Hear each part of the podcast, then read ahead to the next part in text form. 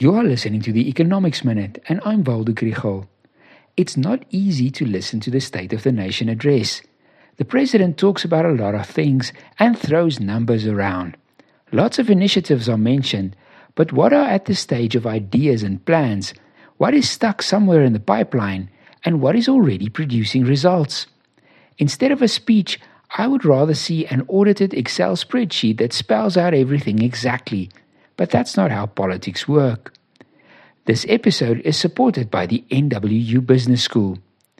There's no doubt that over the last 30 years there have been a lot of good developments. Millions of lives have been improved. It's also clear that there are good plans. The problem is that we know that the facts are being spun a bit. The economy is three times larger than in 1994, but this is in nominal terms.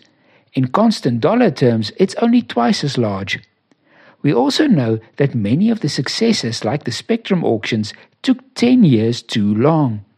That silent revolution in education is still very quiet, and one wonders exactly where the district development model has improved municipal service delivery.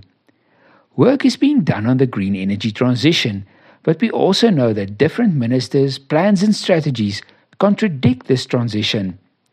The SONA was not bad or false.